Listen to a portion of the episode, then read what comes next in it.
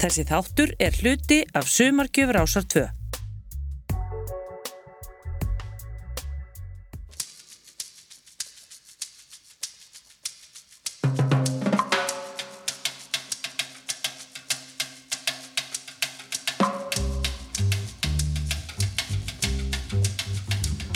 J'aime ta couleur café, tes cheveux café, ta gorge café.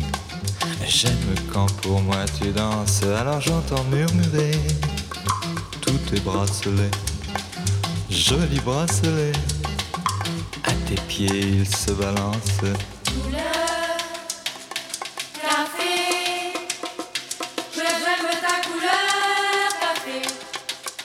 Kaffi konunar var skjólgott að venju eins og sagt er á Íslandi um höfðinglegt kaffi. Hann drakk tvísvar hálfan bolla með löngum millibili og strauk í bæði skiptin flötum lófa niður eftir hárin á sér sem reyndar ekkert var orðið. Hvort að því honum fannst að rísa ellegar svita sló út á skalla honum af óum ræðalegum krafti sem fólst í kaffinu. Svo segir í Paradísarheimt eftir Haldur Lagsnes, kaffi. Það fælst nefnilega einhver óumræðilegur kraftur í því og það er eitthvað höfðinglegt við þennan drikk, jafnvel þótt hann sé borin fram í draslarlegu plasklasi í gömlum þreyttum vinnuskúr, kaffið liftir tilvörinni á aðra plan. Kaffi er líka dulúðugur drikkur, margir sjá sjálfa framtíðina í kaffiböllanum. Kaffi er nefnilega annað og meira en bara einhver drikkur. Kaffi þessi undradrykkur er ekki bara lífsins eleksir, heldur menningarfyrirbæri og risastór veigamikil alþjóðvara sem tengir saman þjóðir, hópa og fólk. Kaffið, þessi svarti og sálubætandi drykkur, er eitt af undrum hverstaslífsins.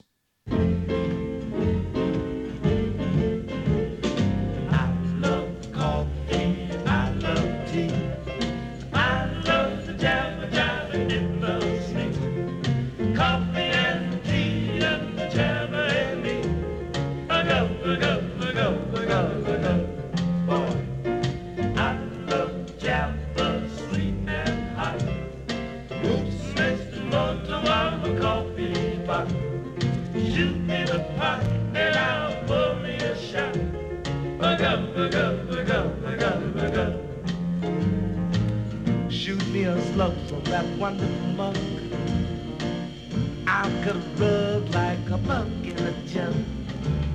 A slice of onion and a raw bun. Draw one. Waiter, waiter, percolator.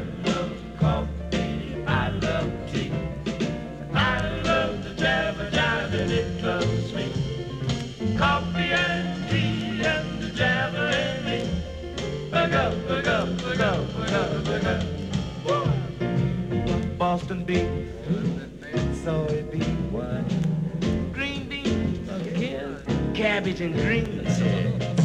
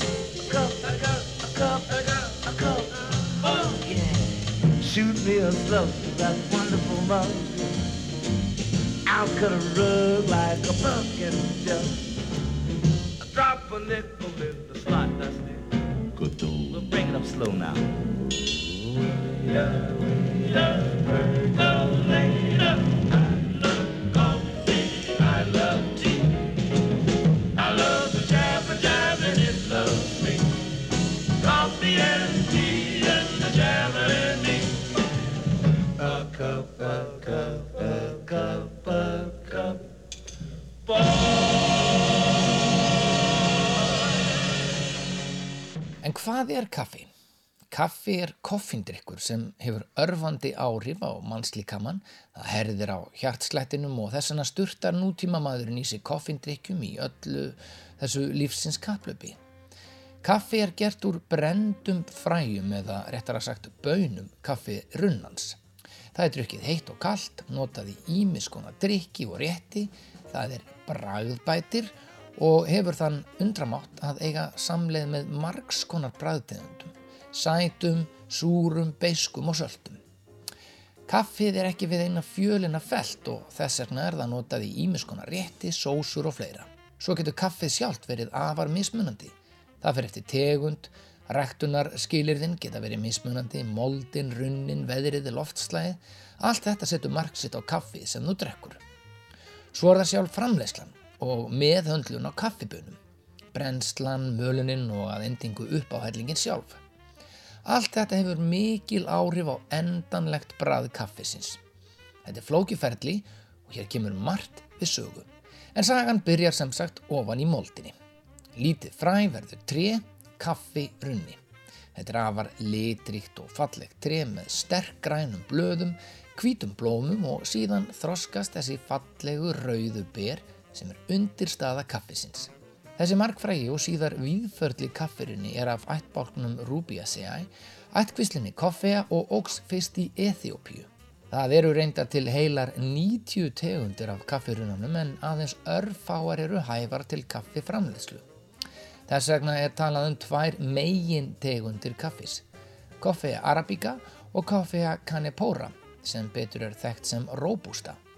Munurum fælst í því að Arabíka hefur tvisasunum fleiri litninga og að þeim sögum er bragðið flóknara og ögn mildara en róbusta sem er haðgerðari, jurt og fljótvaksnari. Arabíka er líka vinsalast til kaffi framleiðslu og það kaffi sem þú, hlustandi góður, drekkur líklegast lang oftast.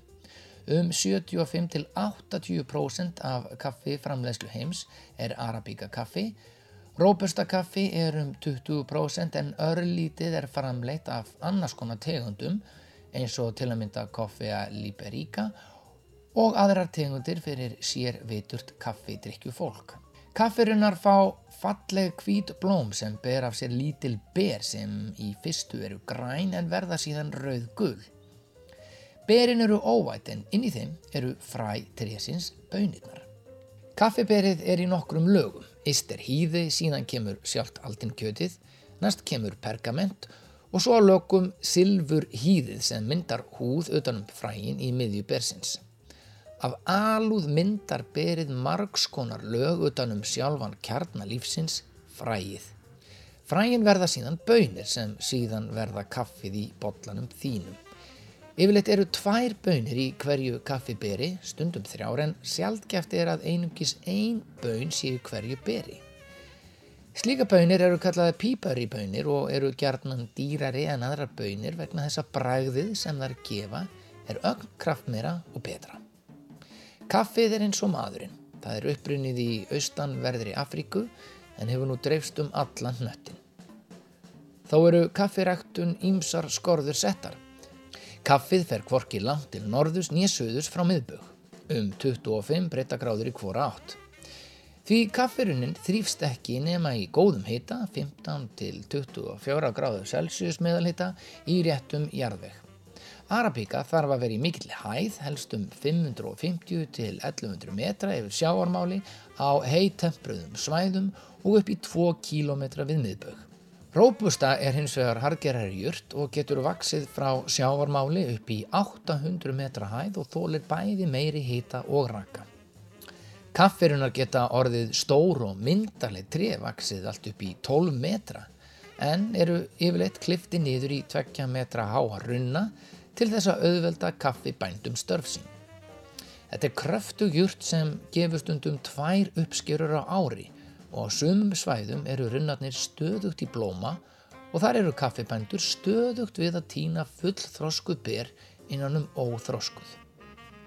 Vinna kaffibóndans fer þannig fram að týna þar berin af mikilli alúð, skilja frá greinar, lauf, steina og fleira sem eftir vill hefur laðist með við týnsluna. Síðan þarf að þurka berin, leggja þau til þerris í sólinni, snúa þeim reglulega við svo þau mikla ekki, Þegar berin eru orðin mátulega þurr eru þau sett í síló og þaðan í millu þar sem þau eru afít þá eru bönirnar geimdar í sekkjum, aðverir taka við bönunum, brenna og mala kaffið og setja það síðan á markað.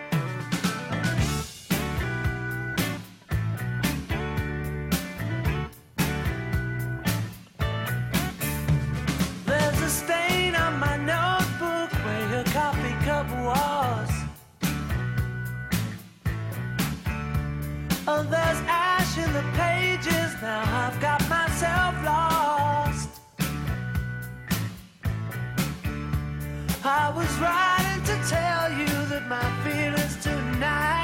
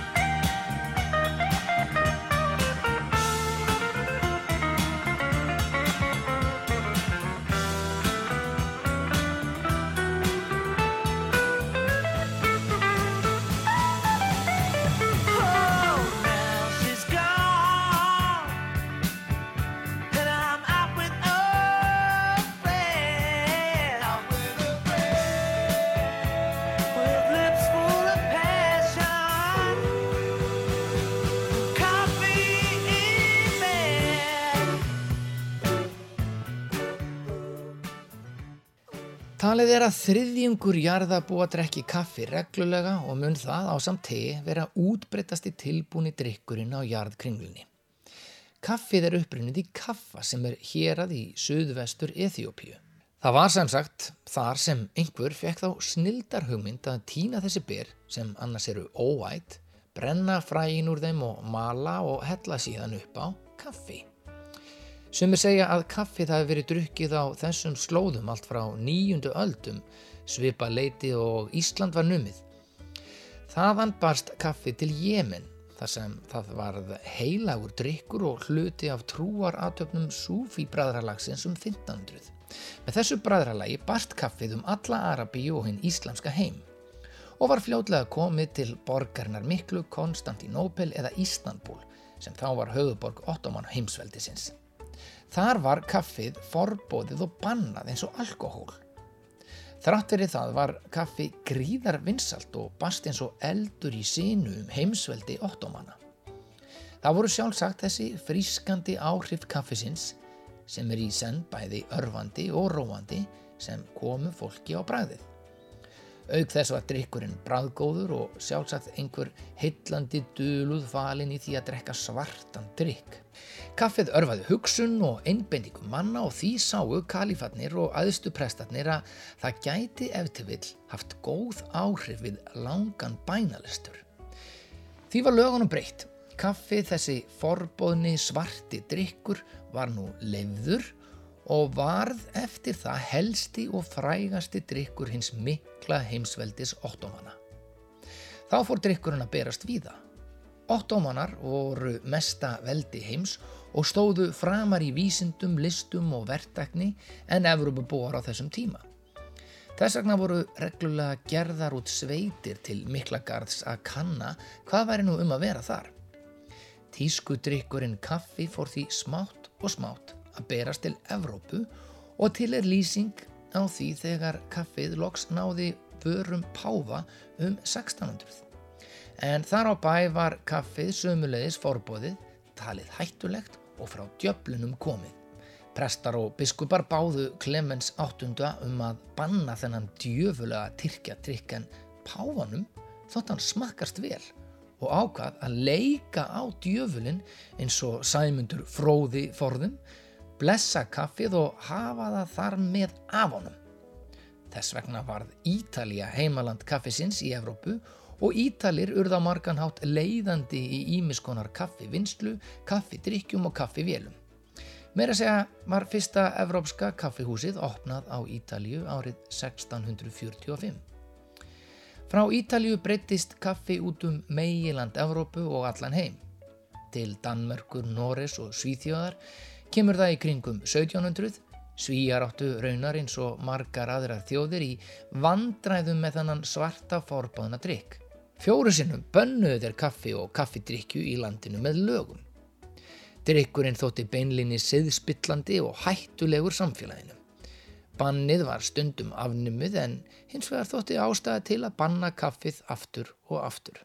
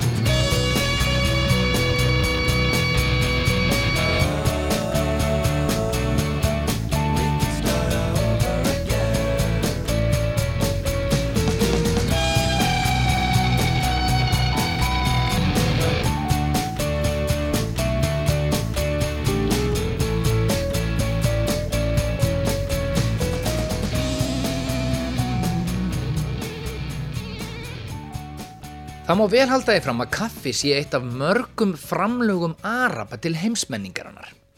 Þeir tóku þennan drikk upp á sína arma og fóru að bruggan í stórum stíl og sendan um allar jarðir. Arabar kendu Evrópubúum að drekka kaffi og líka að eima vín og þar með að búa til brenda drikki. Síðan er það ottoman veldið mikla sem gleymist stundum í mannkinsögu tímum. Meiri áhersla er lögð á rómverska ríkið og rómversku keisarana í sakfræðibókum Vesturlanda. Samt var ottomanveldið bæði starra og varði lengur auk þess að leggja margt til heims menningarinnar. Þegar kalifarnir höfðu tekið kaffið í sátt var það orðið opinber og viðukendu drikkur en hafði áður verið torkinilegur neðanjarðar drikkur. Með viðukenningu ottomana komst það á flug. Arabíst kaffi eða tyrknest kaffi er ílitið ólíkt því sem við eigum að venjast. Það er ákveðin lífsreynsla að setjast niður á kaffihús í Ístanbúl og fá sér tyrknest kaffi. Það er sannlega rótstert. Í sjóðandi heitt vatn er móka dágóðum slatta af kaffi og svo bara beð eftir því að kaffið setjist. Maður sípur varlega og gæti sín að drekka ekki korgin með Bragðið er mikið og stert og áhrifin slík að maður helst vakandi allan daginn, jafnir langt fram á nótt, sannkölluð koffín sprengja. En það voru sem sagt arabar sem tóku eitthvað tíman í fyndinni upp einn kaffurjönan eða þá tóku með sér nokkra bönir og fóru með þessa margfrægu jurt kaffirunnan á flakk. Frá Eþjópíu til Jemen og þaðan besturunnin síðan víða. Arabar sáu um kaffi framleiðslu og sátu all lengi um þennan drikk þar til hann var orðin tískudrykkur í Evrópu og sömulegðis Ameríku. Eftir tebóðið fræga í Boston í bandaríkunum 1671 þegar borgarbúar mótmæltu háum sköttum á te varð kaffi samstundis afar vinsall drykkur og blessa teið átti aldrei afturkvæmt þar á slóðum. Þegar kaffið er orðin þessi tísku drikkur á 17. öld verður eftirspurnin mikil og kaffi verður allt í einu mikilvæg verslunvara. Hollendingar komist yfir græðlinga á sittnin luta 17. aldar og hófu ræktuna á eiginu Jöfu í Indonésiu og Malbar á Indlandi. Árið 1714 gefur borgarstjóri Amsterdam frakkakonungi Lóðviki 15. kaffiblöndu í vinarhimsókn hins síðan nefnda. Liðsfóringi úr franska sjóhernum að nafni Gabriel de Cliu komst yfir graðlinga af þeirri blöndu og fór með þá til eigarnar Martini Key í Karabíska hafinu. Ræktunni þar gekk vonum framar og er allt kaffi í vestur Indium, Brasili og Kolumbíu komið af kaffiblöndunum á Martini Key. Fyrsti kaffibúgarður Brasílu var stopnaður 1727 og landið var fljótt helsta kaffiræktunaland heims og er það enn. Innan við öll síðar var kaffi orðið hverstastrykkur í staðis að vera forréttindi aðalsins og eins og allir vita drekka nú miljónir manna kaffi um allan heim.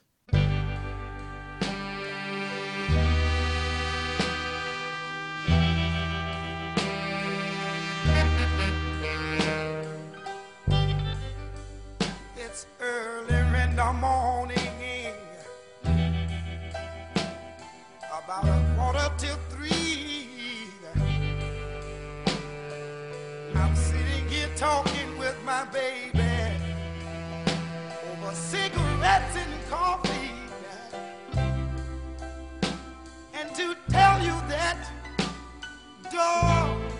I've been so satisfied. Honey, since I've met you, baby, since I've met you, oh, oh, I've been around, all the good-looking girls I've met, they just don't seem to fit in. No, it didn't particularly sad, yeah. But it seems so natural, darling, that you and I are here, just talking over cigarettes and drinking coffee.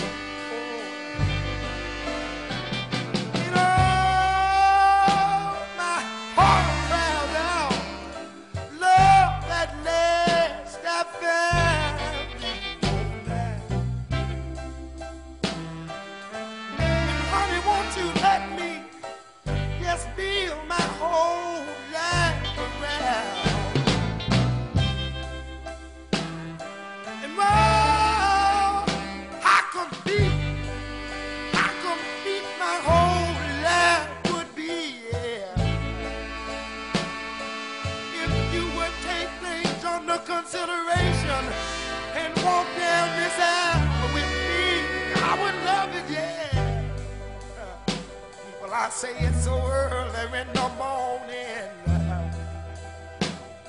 Ooh, it's a quarter till three. We're sitting here talking over cigarettes and drinking coffee. Lord. Oh. And I'd like to show you where I know nothing but good old joy.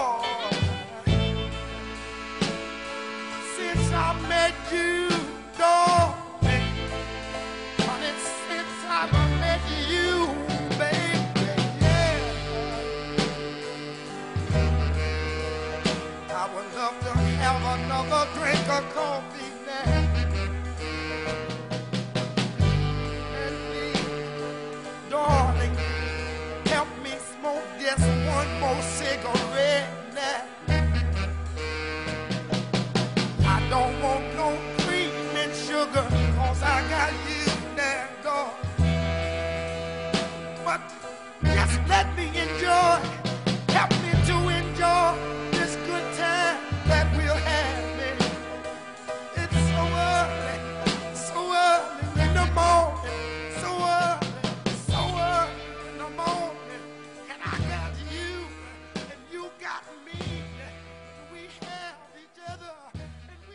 Við getum sagt að Eþjópíu búar hafi uppgötað kaffið og Arabar breyta út en það voru Ítalir sem færðu Vesturlöndum kaffið og það hófst í Feníu þar sem menn fór að bralla og malla kaffi með ýmsum aðferðum. Feneyjar eru furðulegt fyrirbæri og sannarlega eitt af undrum veraldar. Stundum kallaðar drottning Adriahafsins út í miðju lóni reistu menn sér undarlega hafnarborg á smáegjum og staurum. Hún er höfuborg Veneto héraðs sem eitt sinn var mikið fyrstadæmi og stórveldi. Fenegar voru stopnar á 50 öld og urðu fljótlega mikill vesklunarstaður og miðstöð menningar og lista. Fenegar urðu sjálfstætt líðveldi á 8. öld og borgin fekk einokun á verslun við Östurlönd. Þess vegna streymdu peningar og auðafi til borgarinnar út á miðjum flóa en þangað bárust líka margskonar áhrif. Þetta sést glögglega þegar maður gengur eða réttar að sagt siglir um stræti Fenæja á gondola.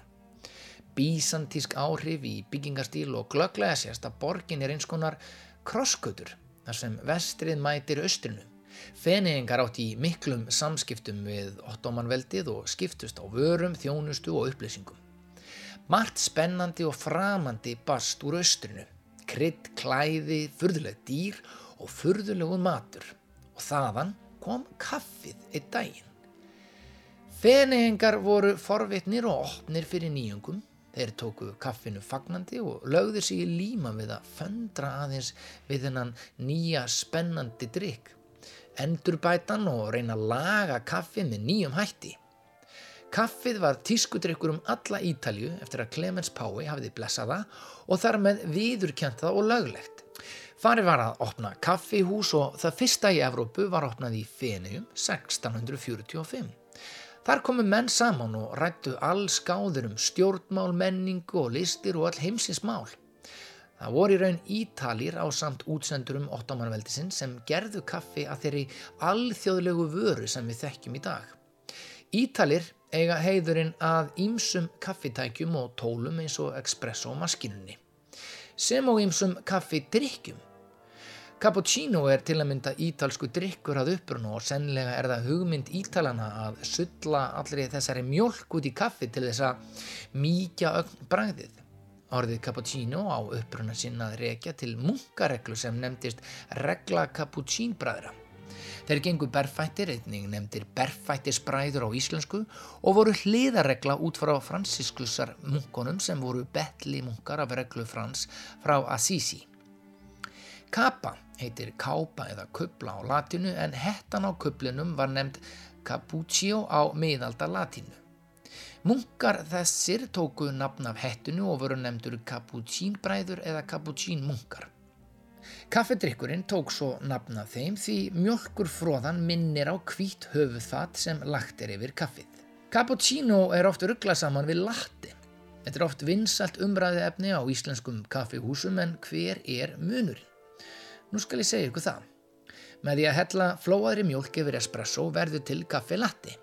Hlutfallið getur verið alltaf 5 á móti einum þannig að í raun er miklu meiri mjólk í latte heldur en cappuccino sem á einungis að innihalda temmilegan skamt af vel þeittri mjólkur fróðu.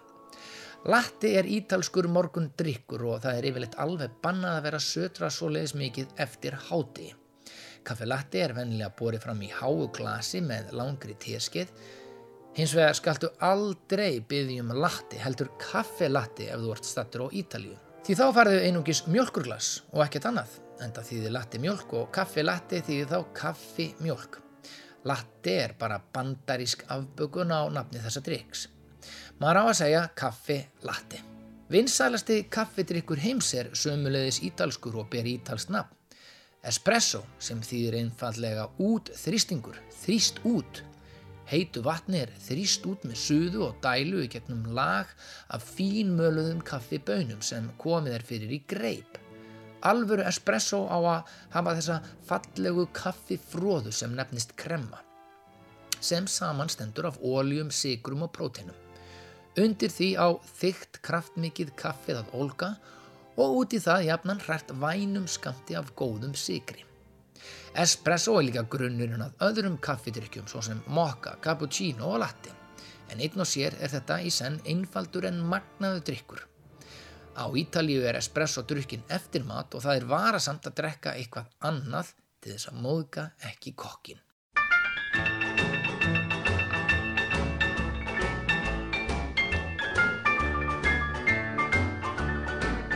I guess I'll take a walk tonight. I know that I can't sleep.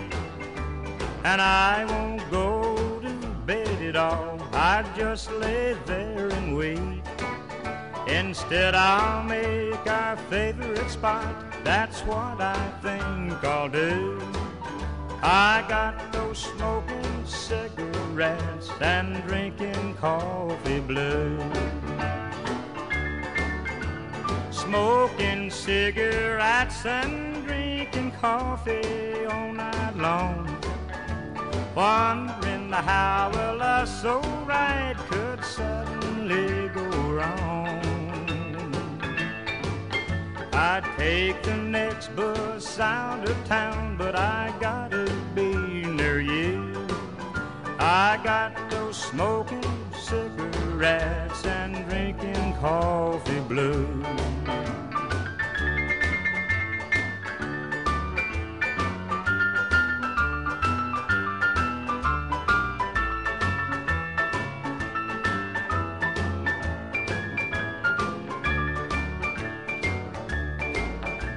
Sitting at the table where I call my baby's name, wondering where our love went wrong, wondering who's to blame. Listening while the jukebox play the songs that make me blue. Another cup of coffee and a cigarette or two. Smoking cigarettes and drinking coffee all night long. Wondering how a so right could suddenly go wrong. There's a lot of other people know the misery I go through. I got those smoking cigarettes and drinking coffee blue. Til er fólk sem heldur því fram að kaffið hafi á sínum tíma verið einn helsta ástæða frönsku byltingarinnar. Það var kaffið sem vakti fólkið, fekk það til að hugsa, koma saman, ræða óréttlætið og krefjast breytinga. Eitt er víst að áfengistrykja var óheyrileg í Evrópu eftir að brendir drykkir fór að berast ángað undir lokmiðalda. Víndrykja hafði verið mikil áður en þegar menn lærða eima vín var til mikið magn af sterku og ódýru víni sem drukki var óheyrilega. Bretar, frakkar og aðrir Evrópubúar voru eiginlega á skallanum eftir að stert áfangi fór að vera á báðstólun. Þetta er á sama tíma og stórborgir Evrópu fara ört stækkandi og fátækt fólk flist úr sveitum til borgarna. Það er mikil misskipting og fátakt fólk fellur í oftrykju, lifir í fátakt og örbyrð. En þá kemur kaffi til sögunar. Það reynlega rennur af fólki, það fer að hittast, ræða málinn og uppgötar allt óréttlætið og misskiptinguna og búm, fólk grís upp og franska byltingin, einhver áhrifa mesti atbörður mannkinn sögunar brýst út. Það er kannski hæpið að halda því fram að kaffið hafi valdið frönsku byltingunni. Það eru margar undirleikjandi ástæður en tvent er hægt að nefna sem var vinsalt í París þessi ár fyrir byltinguna og hafði eflaust einhver áhrif. Það var kaffið og kaffihúsin, fólkið kom saman og rætti málin af miklum krafti og síðan voru það leikhúsin sem voru vinsæl, áleitin og gaggrínin. Þetta tvent á eflaust sinn þátti því að fólkið reys upp 1789 og slátraði innveldinu, sprengd upp lénsveldið, gömlu Evrópu og breytti þar með öllum heiminum og allir í sögunni. Kaffi og leikhús. Já, þetta eru stór hættuleg fyrirbæri. Mama got mad at Papa, cause he didn't bring no coffee home. Mama got mad at Papa, cause he didn't bring no coffee home. She said, Old man, don't you know, don't you know you doing it wrong? She said, excuse me, that's what he told her. Darling, I won't do that no more. Just please excuse me. You know I won't do that no more. You know I'm gonna buy you coffee here and I'm even gonna buy you a coffee stove. If you shut your mouth, baby, I would buy you a coffee house. If you shut your mouth, baby, I would buy you a coffee house. You know, Mama was sitting around a crowd like this, said, what is this coffee house mess all about? Mama, she was sitting there seeing the people go out and in. She began to drink coffee and said, I'm going back here again.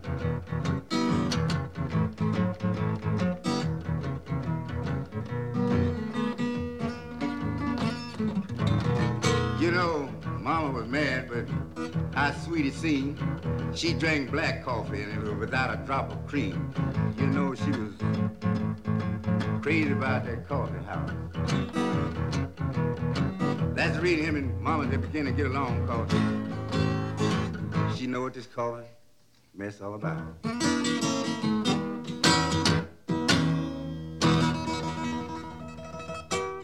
Maður velti því stundum fyrir sér þegar maður drekkur gott kaffi. Hvers vegna þessi ágæti drikkur skildi hafa verið svona umdeldur í gegnum tíðina. Fordæmdur, bannaður og fyrir litin. Óhófleg kaffidrykja er svo sem ekki holl, það vitum við. Mikil kaffineysla getur valdið blóðleysi og beinþynningu hjá konum. Mikið kaffi veldur magabólgum og magasárum. Niðugangur er algengur hjá þeim sem þampa mikið kaffi. Mikil kaffidrykja getur valdið auknum blóðþrýstingi, komið af stað hjartsláttartröflunum, aukið kólesteról í blóði og jafnir leitt til myndunar nýrnasteina. Kaffi getur líka í miklum mæli haft vond áhrif á taugakerfið eða eins og segir í vísnu góðu sem ég lærði eitthvað tíman í söngtíma í barnaskóla. K-A-F-F-I, hætta þampa kaffi.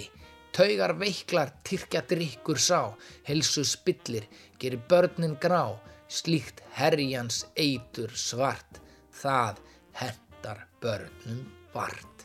Algengar aukaverkanir af koffíni eru kvíði, pyrringur og svefleysi. Algengt er að fólk fái mikla höfuðverki þegar dreigið er úr nýslu kaffis eða annara koffíndrykja. Þetta undirstrykar að koffín er ávana bindandi eitur efni og líkaminn bregst við þegar hann fær ekki sinn skamt með þessum frákvars einkennum. Og svo verður maður auk þess andfúll og far gular tennur af mikill í kaffidrykju. En er ekki hægt að segja eitthvað gott um kaffi? Allt er gott í hófi. Hófleg kaffidrykja. getur dreigið úr líkum á hjartasjúkdómum, síkusíki 2 og Parkinson sjúkdómi. Kaffi á líka samkvæmt einhverjum rannsóknum að draga úr líkum á Alzheimer. Kaffi og aðran matvöru sem innihalda koffin geta dreigið úr líkum á að fólk fái húðkrabba minn. Kaffi kuð vera gott gegn deburð. Konur sem drekka tvo bolla af kaffi á dag eða meira eru í 20% minni hættu á þunglindi en aðrar. Þetta eru niðurstöður rannsóknar sem gerð var við Harvard Háskóla í Bandarækjunum. Rannsækendur segja að þunglindi sé tvöfalt algengara hjá konum en karlmönnum og að kaffi geti dreigið úr tíðinni þunglindis. Þetta með skoða í ljósi þess að aðrar rannsóknir hafi sínt að kaffineytendur séu í minni sjálfsmárshættu en aðrir. Ekki er vitað hvaða er í kaffinu sem hefur þessi góðu áhrif á skapið, segir í niðurstöðum rannsóknarinnar, en talið er að koffin í kaffi breyti efnaskiptum í heilanum. Koffinlaust kaffi hafi ekki sömu áhrif. Kaffi örvar auðvitað hugsun, eigur gleði og hamingju manna og eins og allir vita eigur hamingja lífs líkur. Hóflega drukki kaffi ætti því að gleðja hvers manns hjarta og efla þrótt og hilsu. Kaffið gerir því sem sagt gáfaðri, örvar brennsluna og eflir þrótt eigur langlífi og er hlaðið vítamínum og andoksunar efnum. Ef ekki bara að hella meira upp á.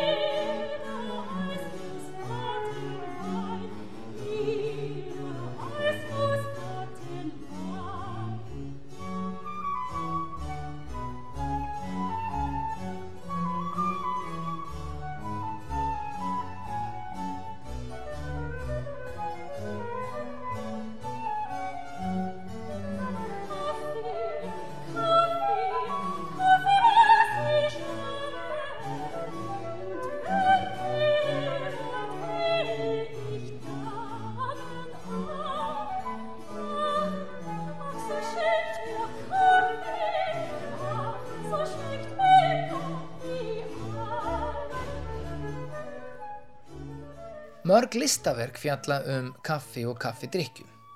Í kvikmynd James Jarmusch Coffee and Cigarettes er drukkið kaffi út í eitt og talað um kaffi og sígarettur.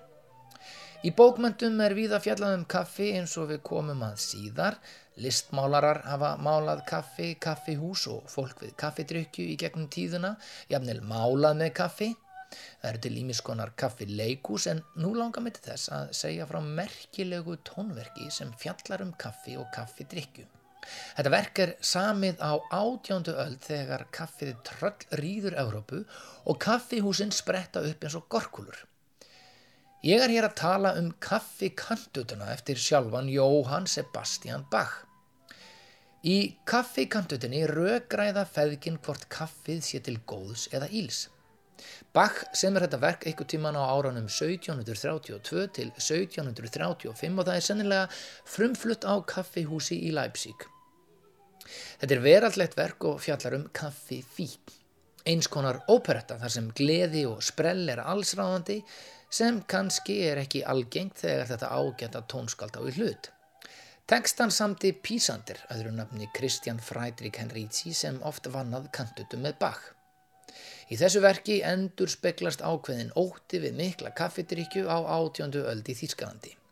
Mikið kaffitamp var greinilega litið hortnöga á þessum tíma en í kaffikantutinni reynir dótturinn Lísjen að sannfæra föður sinn Slendrian um ágæti kaffisins og ekki annað hægt að sjá en að höfundar verksins séu líklegast miklir kaffidrykkjumenn og vel unnara drykjarins. Eða eins að segir á einum stað í verkinu, ef ég eifæ drykkið mína kaffiskál hver maður veit að kveljast ég mun og enda sem grilluð geit. Dótturinn lof syngur kaffið hvað eftir annað en fadirinn bölvarði og þrábyður dóttur sína um að láta nú af kaffidrykkinni. Hann hótar henni jafnvel að taka af henni allan mat og klæði en allt kemur fyrir ekki. Hann hótar jafnvel að gifta hann ekki ef hann láti ekki af kaffidrykkinni. Hún ákveðu þá að velja ástina fram yfir kaffið en leikur svo eiginlega á föðu sinn með því að segja að aldrei skulum giftast manni sem bann henni að drekka kaffi. Í lokverksins er kaffið svo lof sungið og sungið hástöfum að það sé bara eðlilegt og gott að drekka kaffi. Your breath is sweet, your eyes are like two jewels in the sky. Your back is straight, your hair is smooth on the pillow where you lie. I don't sense affection, no gratitude or love. Your loyalty is not to me, but to the stars above. One more cup of coffee for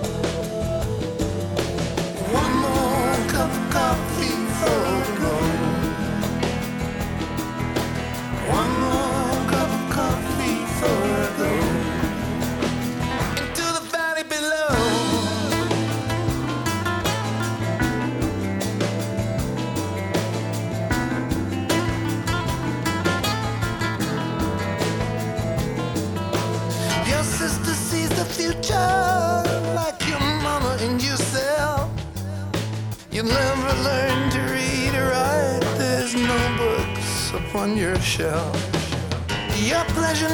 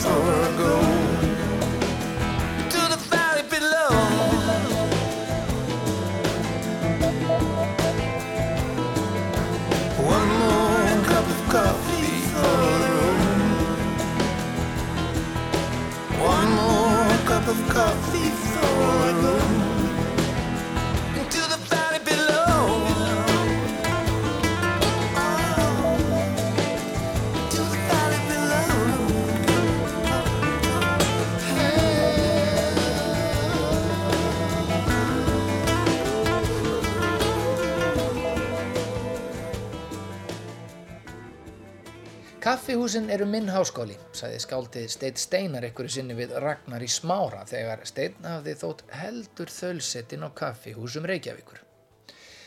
Heimsbyggingurinn Sjón Pál Sart sagði eitthvað svipað en hann var mikill kaffihúsakarl á samt félaga sínum Albert Camus og spúsu sinni Simon de Beauvoir. Þessi hópur satt á samt öðrum hugsuðum dægrin löng á Le Dumago í París á 5. og 7. áratug síðustu aldar. Það var sagt um Sart að hann hefði varla tekið eftir sittni heimstyrjöldinni svo upptekinn var hann við hugsanir sínar og kaffidrykju. Niðurstaða allra þessara kaffidrykju var síðan tilvistar stefnan að lífið sé tilgangslöst nema þá að lifa því í botn og njóta þess sjálfsagt með kaffibotla við hönd. Kaffihúsið er miðstöð og samkommustæður þar sem málin eru rætt, þeim fylgir ákveðin menning og blær. Það ríkir önnur stemmingan á börum og veitingahúsum. Þar er einfallega talað meira, þar er líka lesið og skrifað og maður finnur það að fasta gestir eru samfélag. Þeir hafa myndað með óformlegum hætti eitthvað skonar klúb. Fyrsta kaffihús sögunar var opnað í Ístanbul árið 962. Þá kom Hakam alla leið frá Aleppo á Sýrlandi, settist að í stórborgin í Ístanbul og tók að selja fólki kaffi. Fljótlega örðu kaffihús vinsal í miðausturlöndum og víða mátti finna kaffihús í Damaskus, Kairó og Mekka. Til er afar fróðleg lýsing á kaffihúsi í Persju frá 17. öld skrifuð af frakkanum Sjón Sjardín. Þannig verður fólk eitt í enda lausum samræðum, fólk segir frettir, stjórnmál eru rætt af fullum þunga og yfirvöldin gaggrind hispurslöst. Þannig telt, sagðar sögur og flutt ljóð, jafnvel beðið til Guðs, allt yðar af lífi og allt gerist í einu á sama stað. Á meðan eitt gestur fer með bæn, segir annar losta fulla sögu. Þannig tala allir í einu. Sögumadurinn og presturinn tala hver ofan í annan. Fyrsta kaffihúsið í Evrópu var opnað í Fenegjum 1645. Sjö árum síðar var fyrsta kaffihúsið í Englandi opnað í Oxford sem enn er rekið og kallast Grand Café. Sama ár opnaði fyrsta kaffihúsið í Lundunum og 1675 voru kaffihús á Englandi orðin 3000 talsins. Á þeim tíma var Charles annar konungur Englands. Hann hafði horn í síðu allra þessara kaffihúsa þar sem menn töluðu frjálslega um konungin og stjórnmál. Hann reyndi að banna kaffihús með lögum en varð ekki ágengt. Enda voru þau orðin miðstöð viðskipta, menningar og frjálsra skoðanaskipta og helstu samkomu staðir þingmanna og áhrifamanna þjóðfélagsins. Kaffihúsin voru eini staðurinn þar sem hægt var að tala hreint út og lesa öll blöð og ritt, hvort sem þau voru þóknanleg stjórnvöldum eður ei. Á Englandi og í Fraklandi var konum meinaður aðgangur að kaffihúsum á þessum tíma. Þær fengu að vísu að bera fram kaffi en ekki drekka það. Í Þýskalandi var konum hins vegar selt kaffi og þeim veittur aðgangur að kaffihúsum. Fyrsta kaffihúsið í Ameríku var opnað í Boston 1676. Það er erfitt að finna sambærilega vöru, mat eða drikk sem hefur farið slíka siguför sem kaffið. Kaffi er alþjóðlegt orð yfir kaffihús, þar sem selt er kaffi og eitthvað með því. Þetta eru lítil ríki í ríkinu. Út um allan heim er hægt að setjast niður á kaffihúsi, drekka sitt kaffi, lesa, tepla og spjalla, vera einn eða með öðrum og allstaðar, ótrúlegt en satt, er stemningin svipuð næstum eins.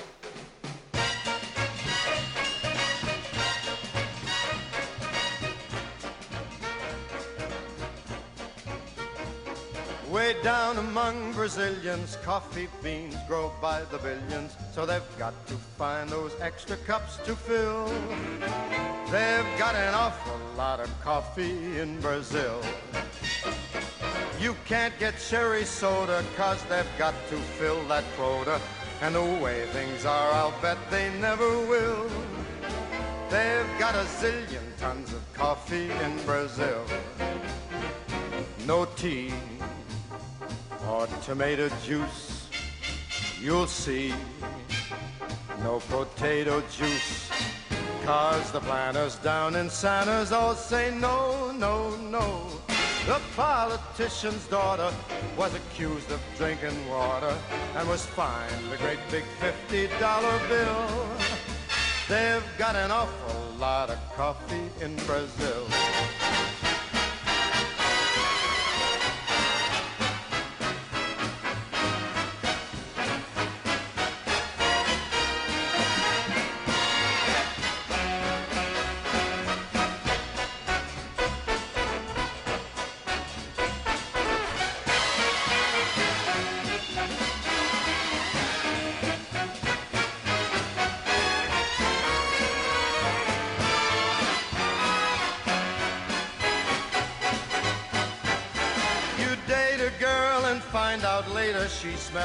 Like a percolator. Her perfume was made right on the grill. Why they could percolate the ocean in Brazil.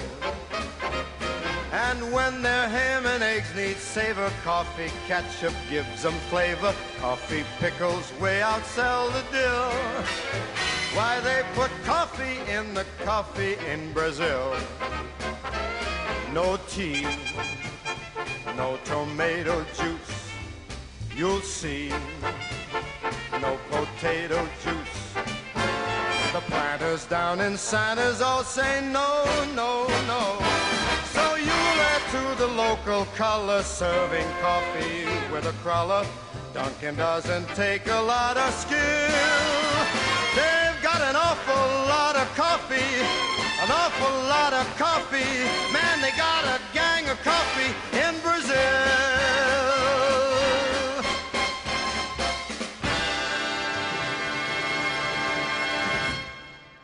Kaffi og kaffidrykja er órjúvanlegur hluti af íslenskri menningu. Öll samskipti, samkomur, samræður og stefnumót einkennast af kaffidrykju. Kaffi er þjóðardrykkur Íslendinga. Við ræðum málinn yfir kaffibotla, fáum okkur tíu dropa, förum í kaffi, hittumst í kaffi um kaffileitið og spáum jafnil í framtíðina með kaffibotlanum.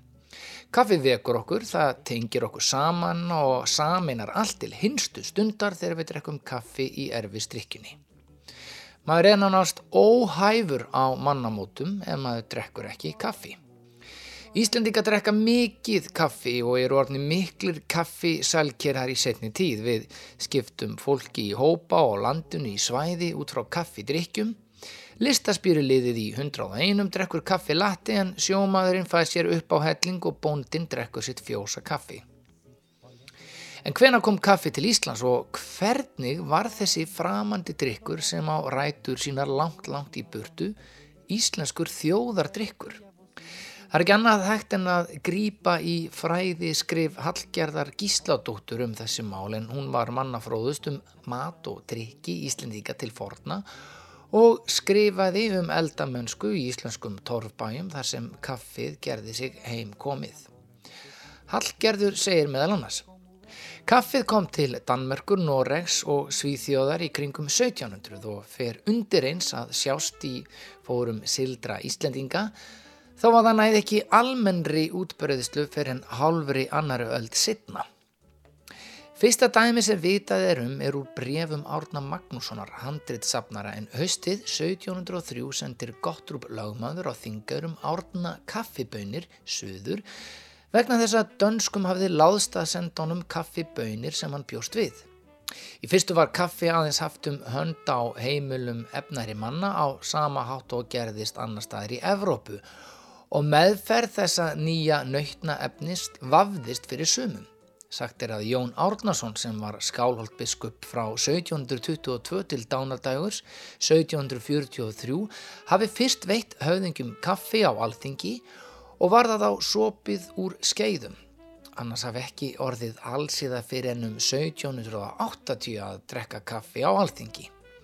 Þá átti eftir maður Jóns á biskupstóli að hafa fengið kaffiböina tunnu að gjöf frá Kaupmannahöfn. Segir sagan að þeir skálhildingar hafi reynt að elda graut af bönunum. Þetta rítar Hallgerður Gísladóttir í að var fróðlegri rítgerðum matar og drikjarvenjur íslendinga hér áður fyrr. Kaffið er nátengt íslenskri þjóðmenningu þó það sé sjálf og sér ekkit íslenskt. Enda það sem við teljum þjóðlegt oft á tíðum upprunnið allt annar staðar en á Íslandi. Lopapeisu munstrið, rímutnar og allur kveðskapurinn á rætur sínar að rekja út í heim. En samt er þetta það sem við köllum íslenska þjóðmenningu.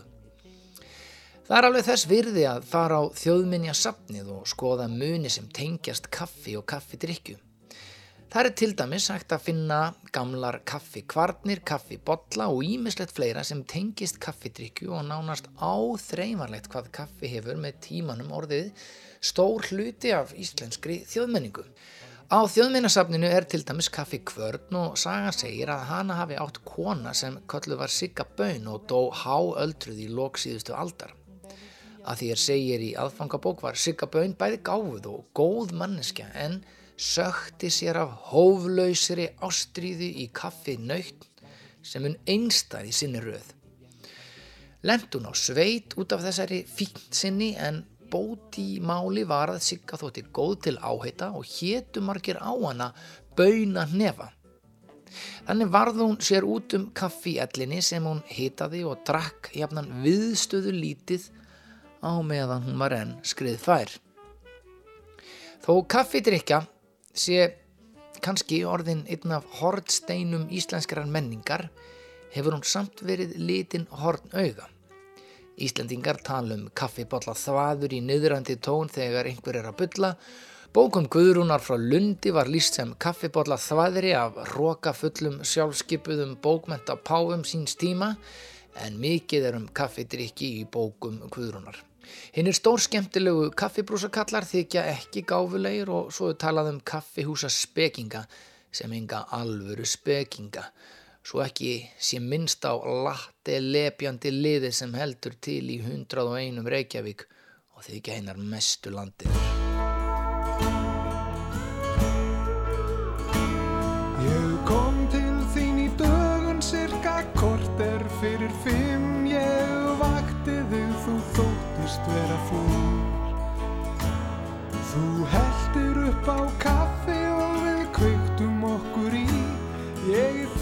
Fyllt þess lausum kamel, þú í kú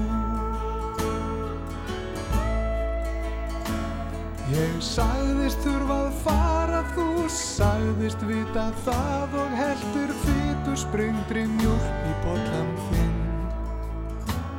Þú sagðist myndu sakna mín, ég sagði ekki neitt og sigur múla lætti út í minn.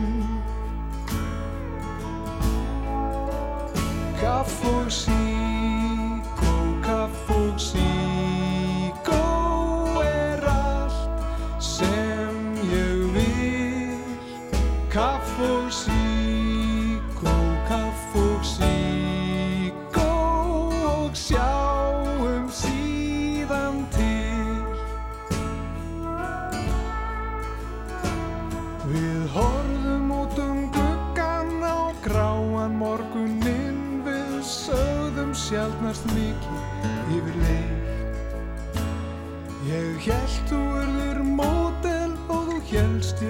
skáld En svo urðum við víst ekki neitt. Ég kvatti þig að morgni þá var klukkan orðin sjö Það var kallt en það var stillt og það var bjart. Er ég leit sem snöggvast við og sá þig loka og eftir þér varð lífið aftur sigurlaust og svart Kaff og síkó, kaff og síkó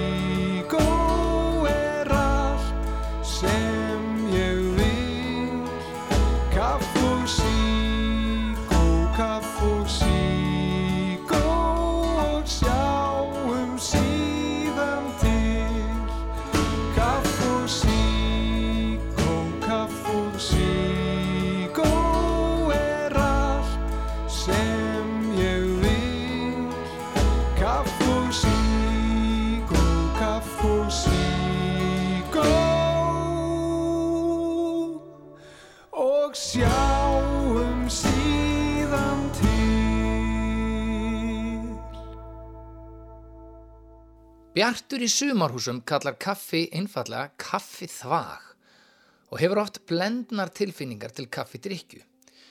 En mikið er talað og skrifað um kaffi í sjálfstæði fólki. Bjartur segir meðal annars þegar gesti bera gardi og eiginkonan Rósa lætuð sig hverfa. En hver fjandinn hefur orðið af henni Rósu? Það sem ég ekki skil, það er svo upp á fínheitin þetta kvenn fólk. Aldrei að koma til dýra eins og maður er klættur heldur alltaf í stásinu. En gangiði samt í bæinn, vonandi kemur hún í leitirnar og velkomin að sumarhúsum. Nó að vera til anskotans kaffithvægið og kannski síkurlús ef vel er leitað. Þegar brúðkaup Bjarts og Rósu er gert er drukki kaffi og mikið af því. Svo kom kaffið. Samkoman var lengi vel hálf andlaus og menn sötruðu skildu ræknir hver sína fjóra og upp í átta bolla af kaffi. Hér og hvar voru bruttir rúsínu steinar. Drífið í ykkur kaffið, sagði Bjartur skínand af gestirisni og verið ekki hrætt við hennan bita skratta. Að lokum hafði engin list á meira kaffi, að utan mátti heyra spóan vella graut. Þetta var einnig hans tími. Og þegar blessunum hún Rósa degir kemur þessi grát broslega lýsing á jarðaförinni sem er einhver eftirminnilegasti kapli í íslenskri bókmáttasögu en þar kemur kaffi mikið við sögu. En í þessu kom blessað kaffið og batt enda á þessar fróðulegu samræður um undarleg fyrirbreyði náttúrunar. Það var gott kaffi, fyrir slíkt kaffi hefði enginn þurft að skamma sín, hversu hátt sem hann stóð í mannfélasteganum.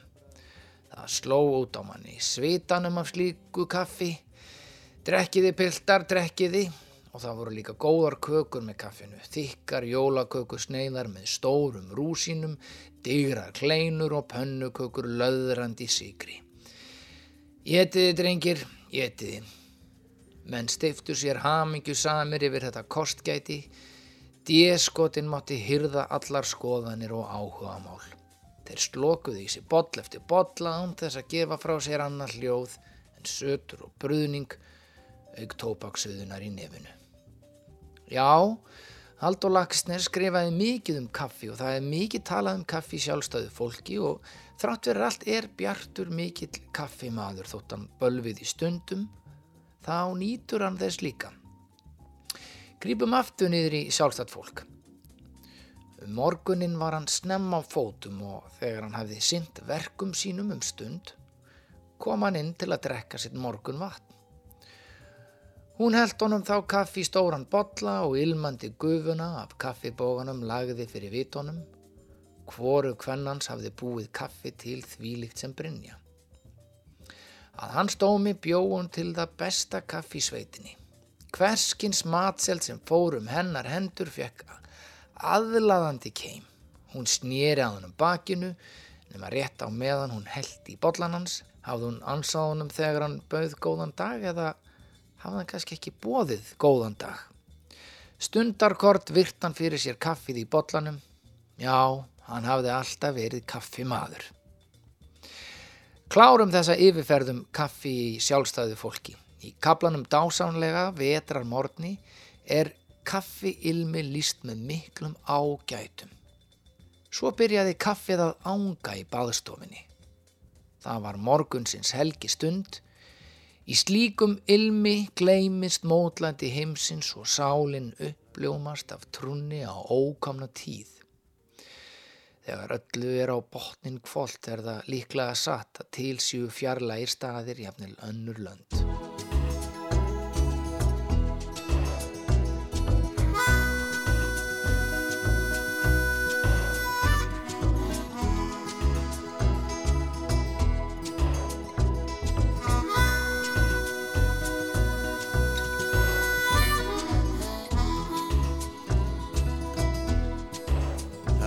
Tröð Í kultúrista hópi sitt ég einn og kanna lífsins löpu kjör. Á kaffi tröð Ég södra svart og sigur löst og kaupi meira rista brauð og smjör. Á kaffi tröð Á kaffi á kaffitröð Spádómsvísi spekulatar spyrja einskís þekking fyrir næg Á kaffitröð Jónan var í heðri höfuð og síran heldur ekkert allt og væg. Á kaffitröð Ég lærði ljóð sem létt svo vel í munni ljóð sem engin annar kunnum Haminguna harðærið og gvöð Svo utan við mig einmanna og austfiskur ég sitt á kaffitröð Pant vera tótninn í tilbrigði lagsins Pant vera skáldið sem skild allt svo vel Pant vera nóttin sem hjá svæfa dagsins. Draumanna svík ég og sál mína sel. Ég vil verða Þórbergur, ég vil verða Lagsnes Pant vera Lenín en þú mátt vera Marx. Því nú er komin önnur tíð með ástafuru tæ og telefax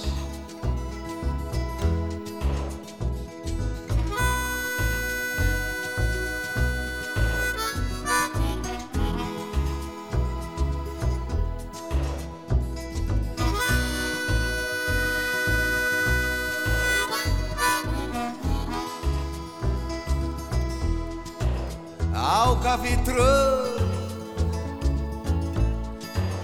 Ég lærði ljóð sem létt svo vel í munni. Ljóð sem engin annar kunnum. Haminguna harðærið og vöð Svo utan við mig einmanna og austfiskur ég sitt á kaffitröð Pant vera tókninn í tilbrygði lagsins Pant vera skáldið sem skild allt svo vel. Pant vera nóttin sem hjá svæfa dagsins. Draumanna svík ég og sál mína sel. Ég vil verða Þórbergur, ég vil verða Lagsnes Pant vera Lenín en þú mátt vera Max. Því nú er komin önnur tíð með ástafuru tæ og telefax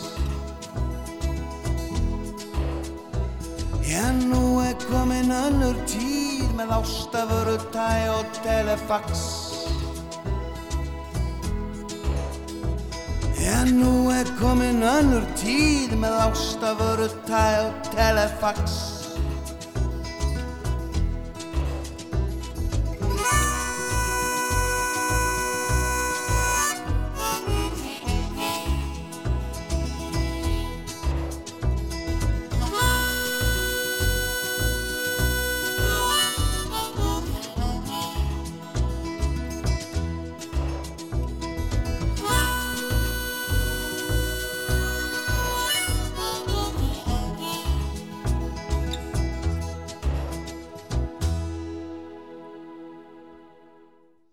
er ekki bara áberandi í sjálfstæðu fólki. Haldur Lagsnes lætur personu sínar gjarnan södra kaffi, bjóð upp á kaffi og síðan er talað um kaffi og kaffi líst með snildar hætti. Rítöfundur sem komst að kjarna íslensku þjóðarinnar vissi sem var að ekki væri hægt að lýsinni án þess að hafa smá kaffi með því. Kaffi er víða áberandi í íslenskum bókmöndum.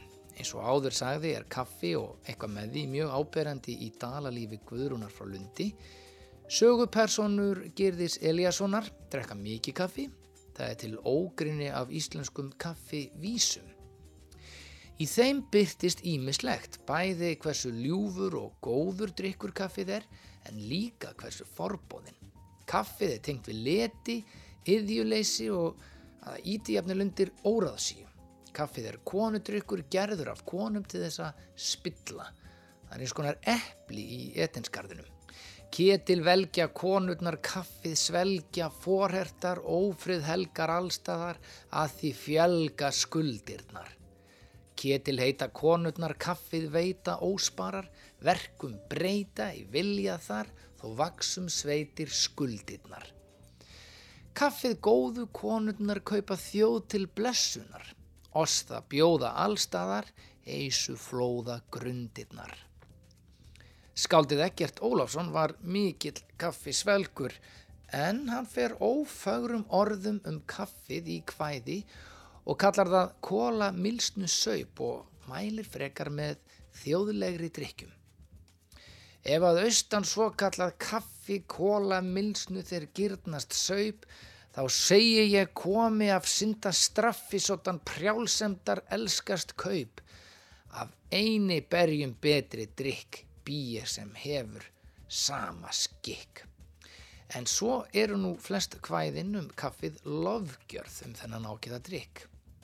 Til að lífga líf og önd, löður sklóða tróða, taktu eiri hægri hönd og heittu kaffið góða. Fönnin hilur fagra, storð, frostnir eru gluggar, nú er kaffið komið á borð, kætir mig og huggar. Kaffið mína kætir lund, kaffið indi vekur, kaffi færir kraft í mund, kaffi þreitu hrekur, þér hefur gengið það í vil, þamba lífið hotla, þú hefur fengið það ég skil, þrettán kaffi bolla.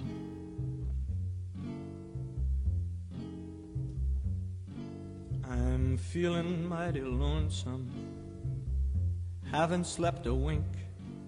I walk the floor and watch the door. In between, I drink black coffee. Love's a hand me down broom. I'll never know a Sunday in this weekday room. Been talking to the shadows, one o'clock till four. And Lord, how slow the moments go when all you do is pour black coffee since the blues caught my eye.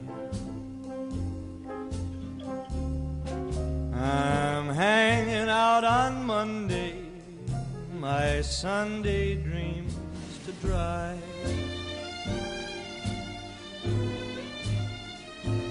You know, a man is born to love a woman, to work and slave to pay her debts, just because he's only to drown his past regrets in coffee and cigarettes. I'm mooning all the morning, morning all the night. In between, it's nicotine, not much heart to fight. Black coffee, feeling low as the ground.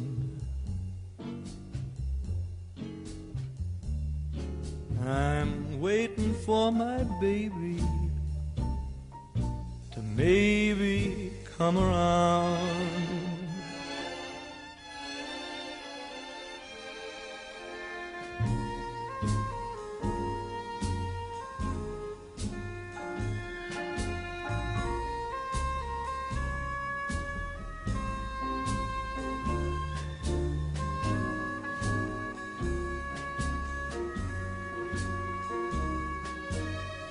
Gonna drown my past regrets in some coffee and a few cigarettes.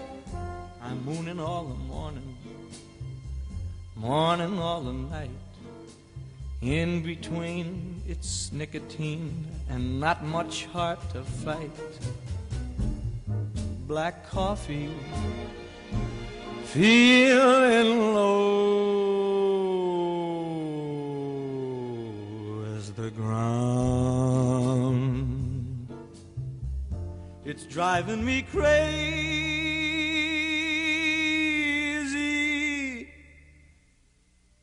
This waiting for my baby to maybe come around. Please come around.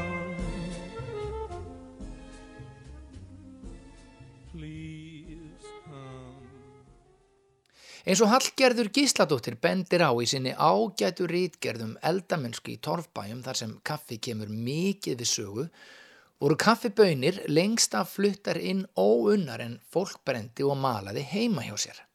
Kaffibrennslu fyrirtæki urðu síðan til hér skömm eftir fyrri heimsturjald en kaffi var samt brent á flestum heimilum lengi eftir það.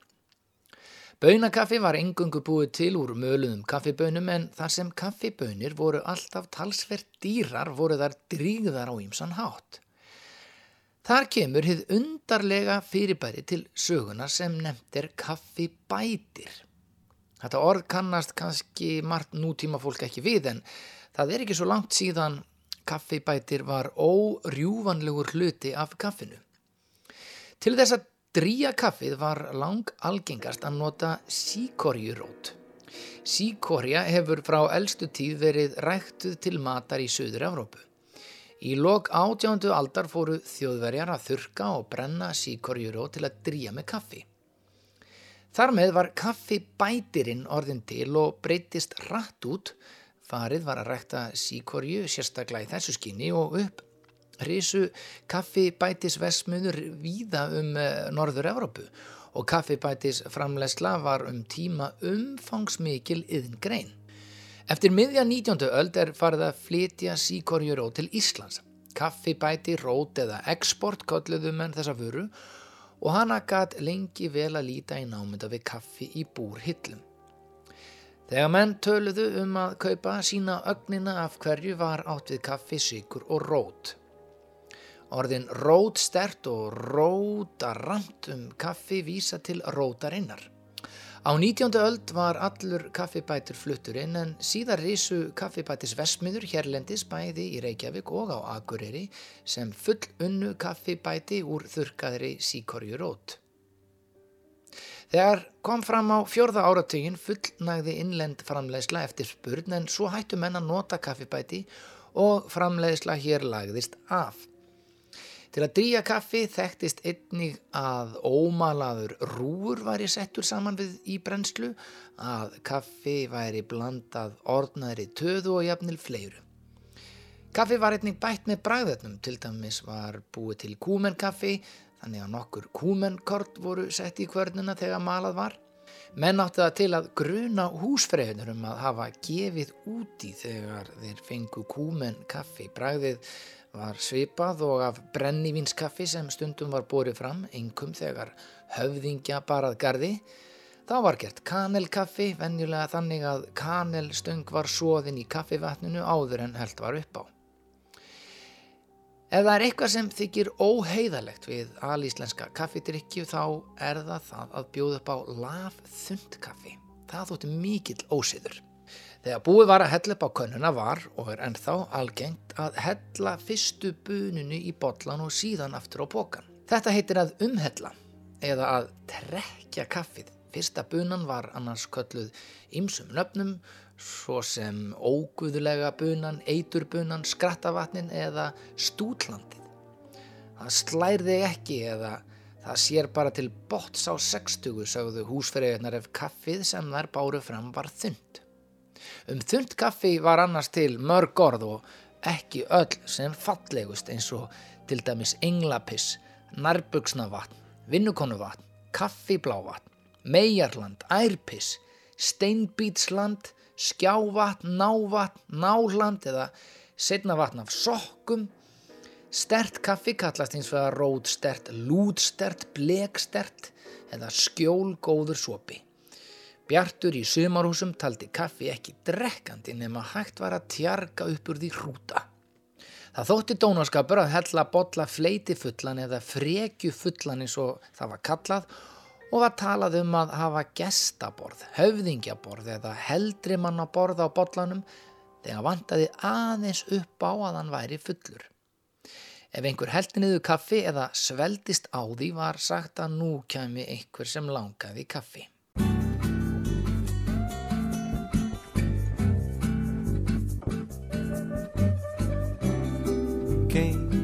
Nasce lá na vila nem sequer vacila ao abraçar o samba.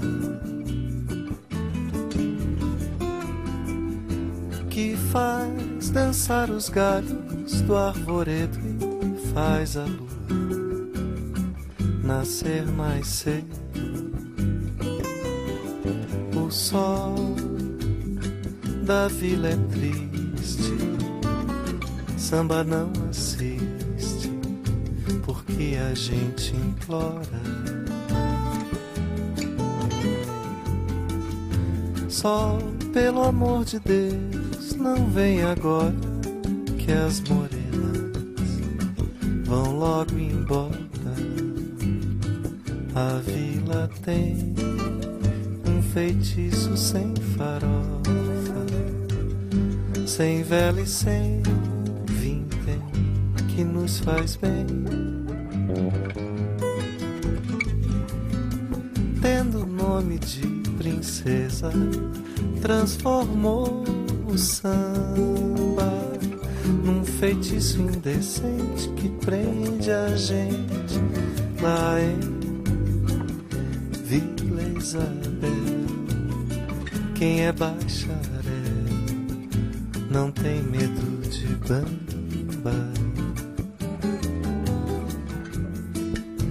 São Paulo dá café, Minas dá leite e a Vila Isabel dá samba.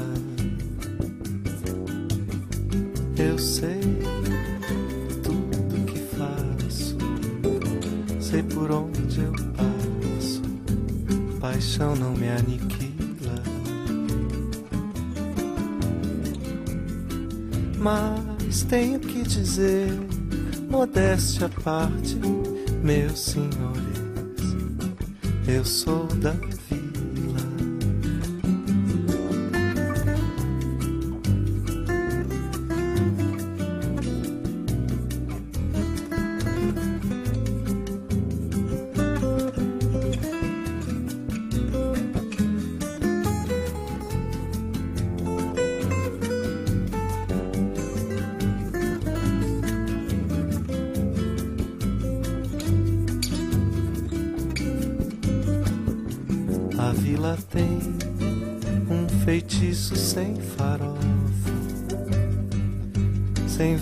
sem vintém que nos faz bem. Tendo o nome de princesa, transformou o samba num feitiço indecente que prende a gente lá em Vila Isabel. Quem é bacharel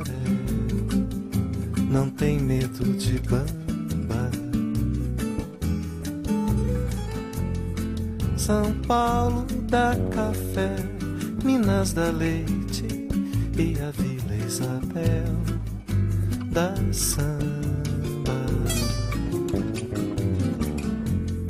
São Paulo dá café, Minas dá leite e a Vila Isabel dá samba.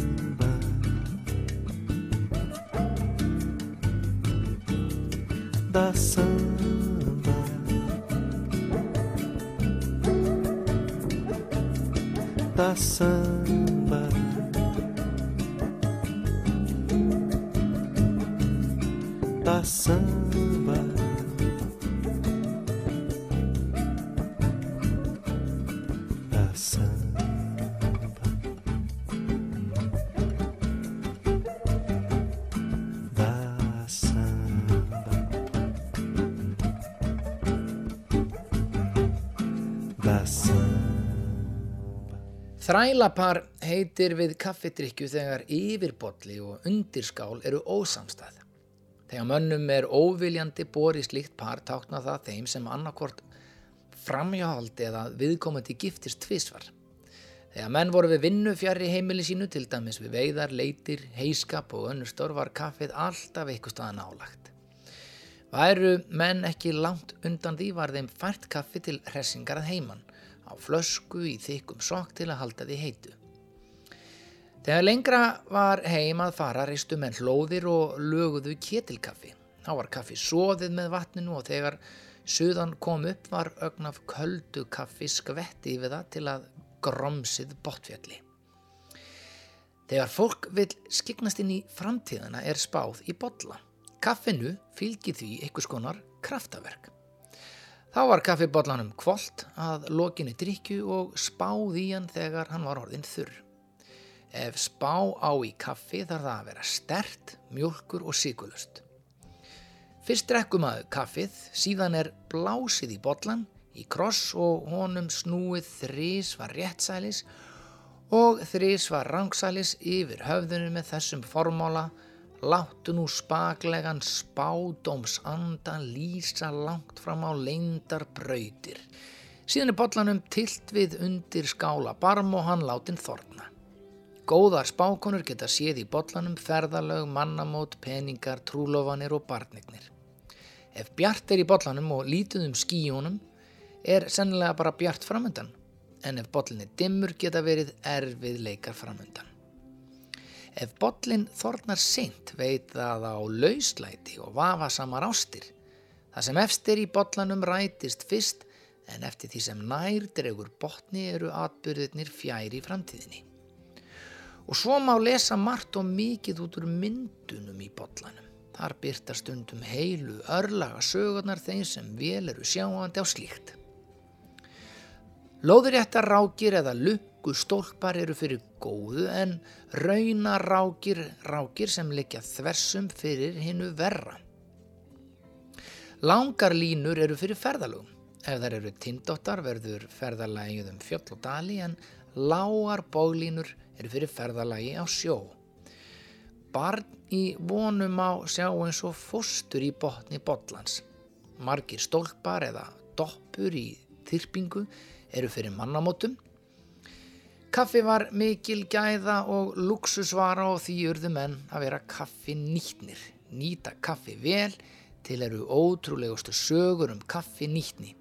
Í því sambandi var talað um kaffi kettlingar, konur sem voru svo sólgnar í kaffi og gátu verið svo svæstnar að þar lögðu sér til munnsbæði kaffi, bönir og korg.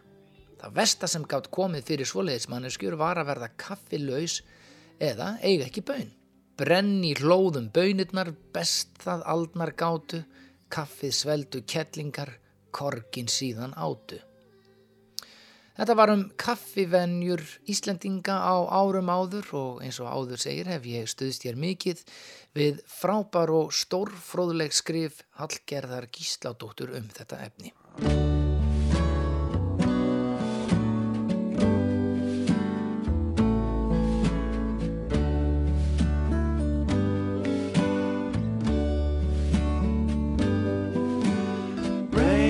Raindrops in my coffee.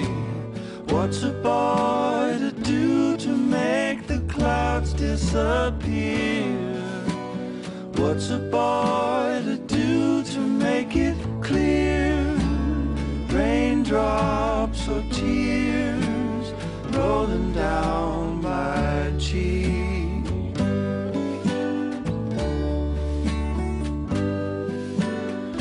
Teardrops on the sidewalk.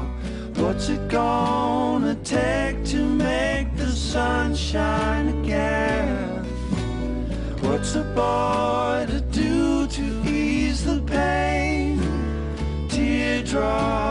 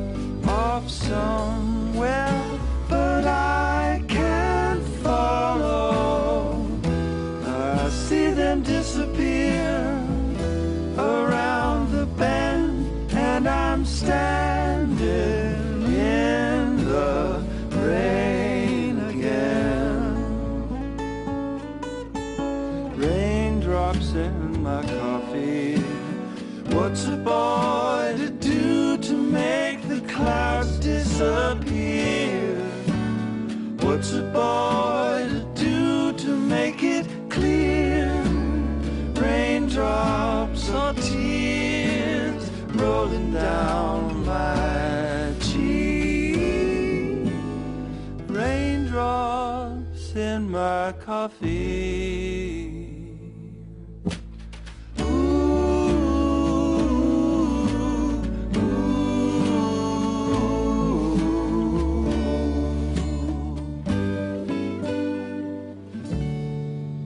Kaffið hefur þann undursamlega eiginleika að geta samlagast öðrum drikkjum og mat.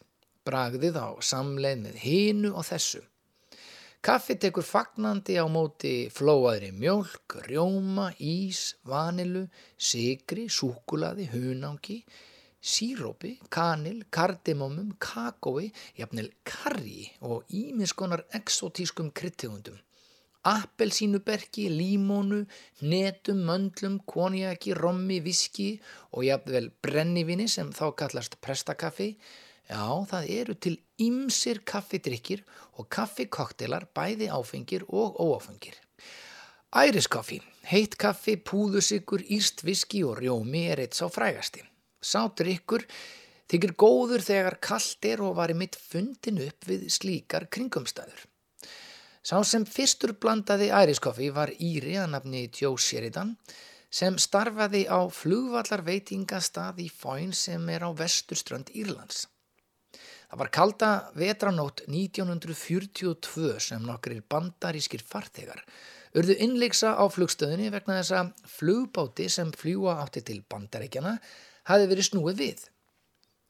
Þarna sátu farþegarnir frekar dabrir í bragði, kaldir og hræktir þegar að Jó Sheridan ákvaða að gera eitthvað í málinu og blandaði þennan drikk sem samstundis sló í gegn. Fólki spurði hvort hér væri verið að servera brasilist kaffi en þá saði Sheridan stoltur. Nei, þetta er írst kaffi. Eitt gestana sem þarna sátu og drukkuðu æriskoffi í fyrsta sinn hétt Stanton Delaplane og var ferðabóka, rítöfundur og skrifað um ferðalög, mat og drikk í blöð og tímaritt. Hann fór að rítum þennan nýja drikk í pislaskrifum sínum og fljótlega var hann útbreytur um öll bandarækin og svo allan heim. Síðar varð Delaplane leiður á þessum nýja koktel æriskoffi sem hann sagði eigðalegja þrjá góða drikki, kaffi, rjóma og viski. The Cadillacs stood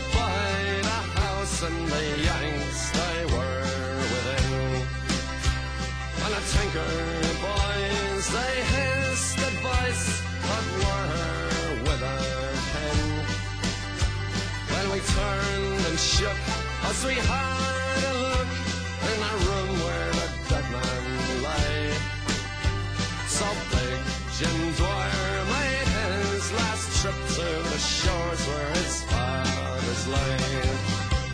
And fifteen minutes later we had our first taste of whiskey. There was uncles giving lectures on ancient Irish history. The men all started telling jokes and the women they got frisky.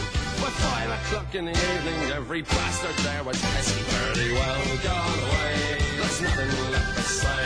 Farewell to New York City boys, to Boston and PA. He took them out with a welling clout and I often heard him say, I'm a champ in Pittsburgh and he slushed into the ground. He took on Tiny Tartanella and it only went one round. He never had no time for rights for drink or dice or horse. But he never threw a fight when the fight was right, so they sent him to the war. Very well gone away. There's nothing left to say. With Staunch and Joe and Aaron Gomer loves in America. The calling of the rosary, smash wine from far away. I'm a free-born man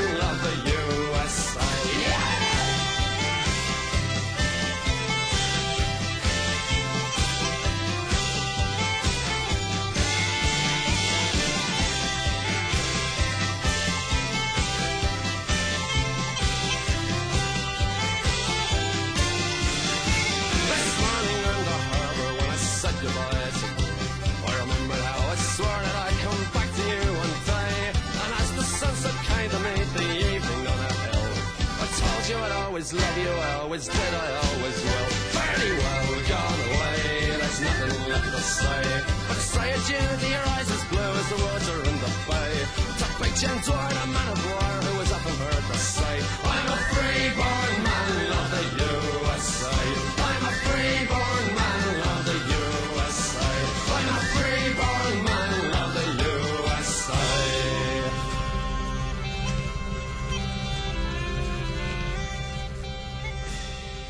Næst á eftir hráolíu er kaffi svo vara sem mest er vesla með í heiminum. Talið er að heimsframleysla á kaffi séu um 7 miljón tonn árlega. 7 miljón tonn. Hvað þýðir það? Bandarækjaman endur nýta 7 miljón tonn af stáli árlega, Kazakstan ætlar að flytja út 7 miljón tonn af hrísgrónum til annara landa þessu ári, 2 miljardar og 250 miljónir kaffibólla eru druknir daglega.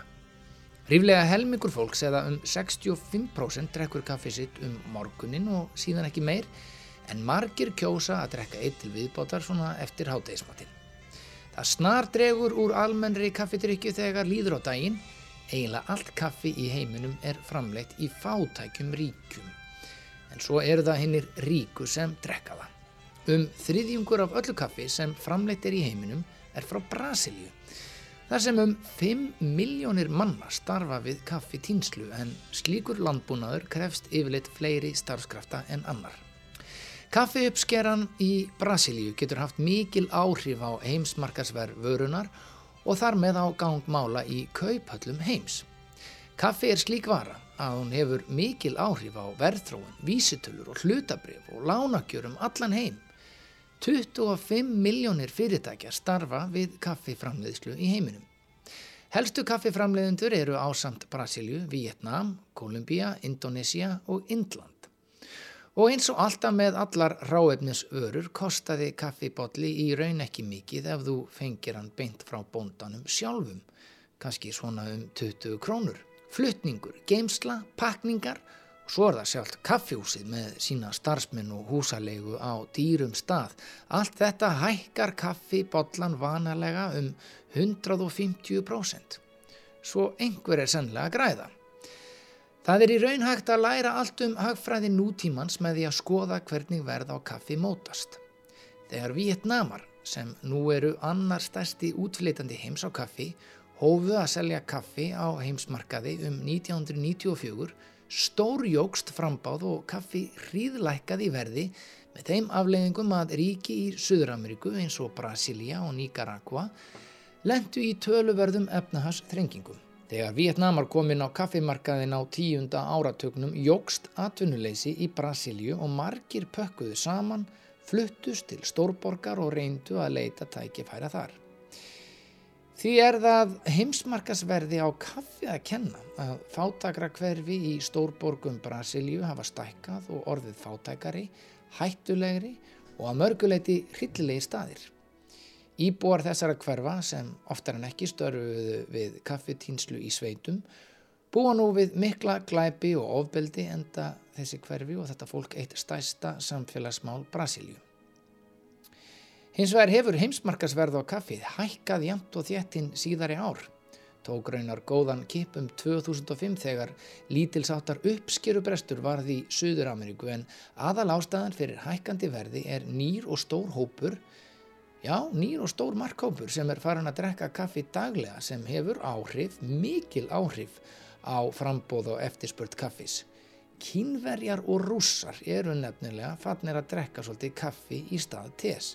Það kaffi sem hefur verið í hvað mestri sókn síðastliðin ár er gott kaffi eða hvað skal að maður segja, góða kaffið, umhverfisvænt kaffi, lífrand kaffi og Síðast er ekki síst svo kallað fair trade kaffi þar sem gráðugum milliliðum sem yfirleitt heyrðum 90% af öllum gróðanum er sleft og tryggt að ræktandin sjálfur kaffibóndin fái nú eitthvað í sinn hlut. Fyrir vikið fæst það sem hægt er að kalla réttlátari vöru og sömuleiðis ódýrara og betra kaffi. Kaffiræktun er oft og tíðum ansi óumhverfisvæn til að mynda í Suður Ameríku þar sem regnskóar er í mikilli hættu meðal annars vegna kaffi framleiðslu. Hún krefst mikils lands en nú hafa hugvitsamir menn reynd að breyta þessu með því að stunda svo kallaða skuggarektun en þá eru kaffiblöndur rektaðar inn á milli annara trjátegunda. Með því þarf ekki að högva niður skóa og fyrir vikið verður kaffið meira segja að brað betra. Allt þetta minnir okkur á þá stæðrend að það erum við, ég og þú sem höfum hvað mest áhrif á umhverfi okkar, landið okkar, hafið og plánutuna. Það sem þú kaupir, drekkur, borðar, það sem þú klæðist, hvernig þú ferðast, kaffibotli er nefnilega eitthvað meir en bara kaffibotli. Hann er þitt val, atkvæði þitt, hann er heilsaðín, hugsun. Kaffibollin er samskipti, samtal, tungumál, spátumur. Hann er þrungin sögu og merkingu. Kaffið er hugreistandi og heilnamur drikkur. Má ég byrði um tíu drópa í viðbót?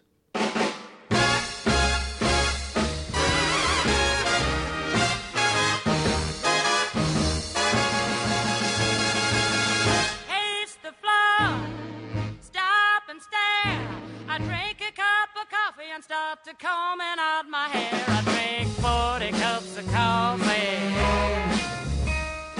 40 cups of coffee. 40 cups of coffee waiting for you to come home.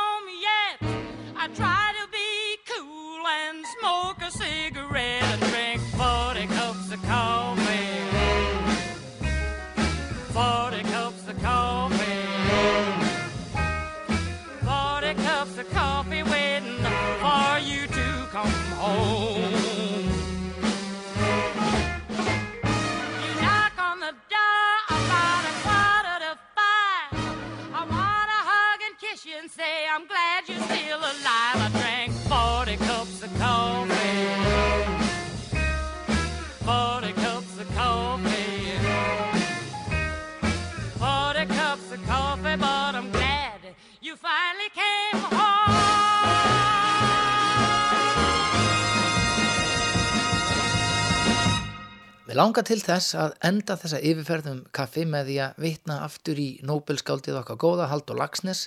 Það er varla til fallegri lýsing á kaffi en þessi hérna í sjálfstæðið fólki og hún hljóma svona. Svo byrjaði kaffið að ánga í baðstofinni. Það var morgunsins helgi stund.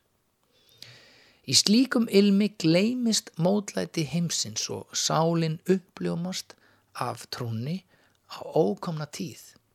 Þegar öll er á botnin kvöld er það líklega satt að tilsjú fjarlægi staðir jafnil önnur lönd. Pace the floor, stop and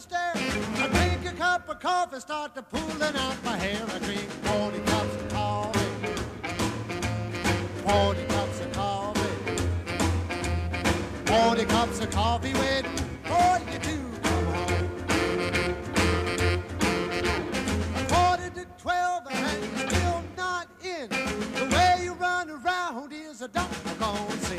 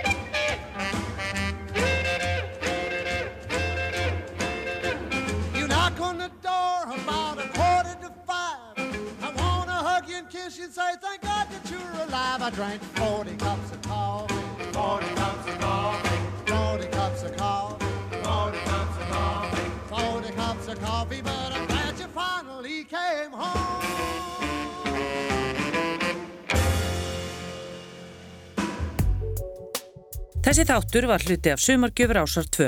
Þú getur nálgast fleiri þætti úr safnir ásar 2 í spilaranum á rúf.is, í rúf appinu fyrir snjaltæki og öllum helstu hlaðvarp sveitum.